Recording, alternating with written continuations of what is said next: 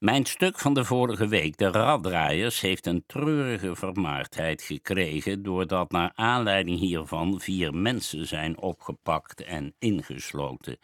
Een aantal lezers vindt dat helemaal niet treurig. Zij verheugen zich over mijn stuk en prijzen het initiatief daartoe, vooral nu dit effect sorteert. Weer anderen beschuldigen mij van verraad. Had ik immers mijn mond gehouden, die jongens waren niet in hechtenis genomen. Om geen van beide reacties ben ik blij. Ik wens niet gefeliciteerd te worden omdat vier mensen van hun vrijheid beroofd zijn, maar evenmin accepteer ik de beschuldiging van verraad. Over het eerste kan ik kort zijn. Niemand vindt het leuk als door zijn toedoen een medemens achter de tralies komt en deze gedachte bezwaart mij. Ik geloof niet dat dit verder commentaar behoeft. Dit wil ik er nog van zeggen. Ik kon bezwaarlijk voorzien dat een periodiek verschijnend geschrift op straat gratis de mensen aangeboden de Amsterdamse politie volkomen onbekend zou zijn. Dat het signaleren hiervan een verrassing betekent en een overval ten gevolge had toe te vraag reizen wat ze daarginds dan wel weten. En dit brengt mij tot het tweede punt, de beschuldiging van verraad. Als voorbeeld neem ik een telegram dat mij door Mies Bouwhuis en de heren Donner, Hoornik, Lammers, Moedies, Nuis, Rogier en Van der Land werd toegestuurd.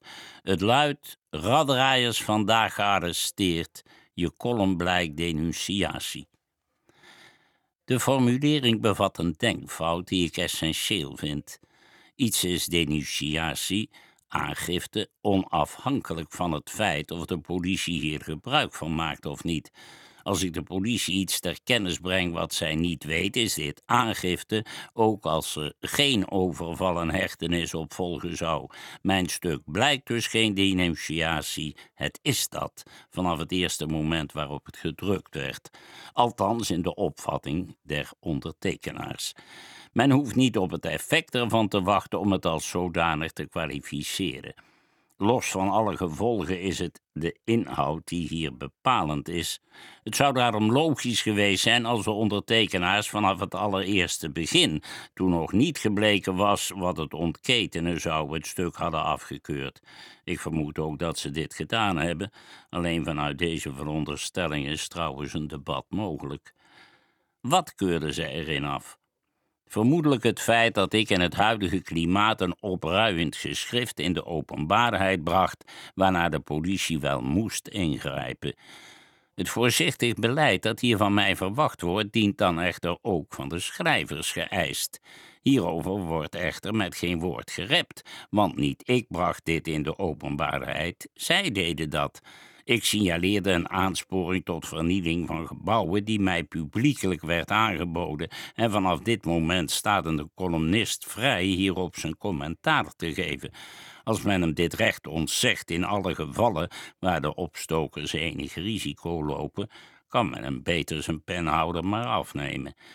Dat ik de gevolgen van mijn stuk betreur, staat hier los van. De situatie waaruit deze zijn voortgekomen werd niet door mij in het leven geroepen, maar is van hen afkomstig. Die idee om de mensen ongevraagd een blad in handen te stoppen met de verwachting dat ze hierover zwijgen zullen, omdat de schrijvers anders iets onaangenaams kan overkomen, lijkt mij absurd. Wie dat verwacht, kiest de privémededeling onder strikte geheimhouding. Geeft men dit door, dan maakt men zich aan denunciatie schuldig. Maar wie de openbaarheid kiest, dient erop voorbereid te zijn dat er ook in het openbaar iets wordt teruggezegd. Vrijheid van drukpers, akkoord, maar niet van één kant. Wie aan de andere zijde de doofpot eist, past dit beginsel zonderling toe. Het is tweezijdig bedoeld. Men glijdt anders in de mening de vrijheid te verdedigen in een nieuwe terreur die van een gelijk gehalte is als de macht die men bezweren wil. Wij zijn, als ik mijn privépost van deze week eens doorlees, op die weg al flink gevorderd. De Volkskrant 25 juni 1966. Godfried Bomans.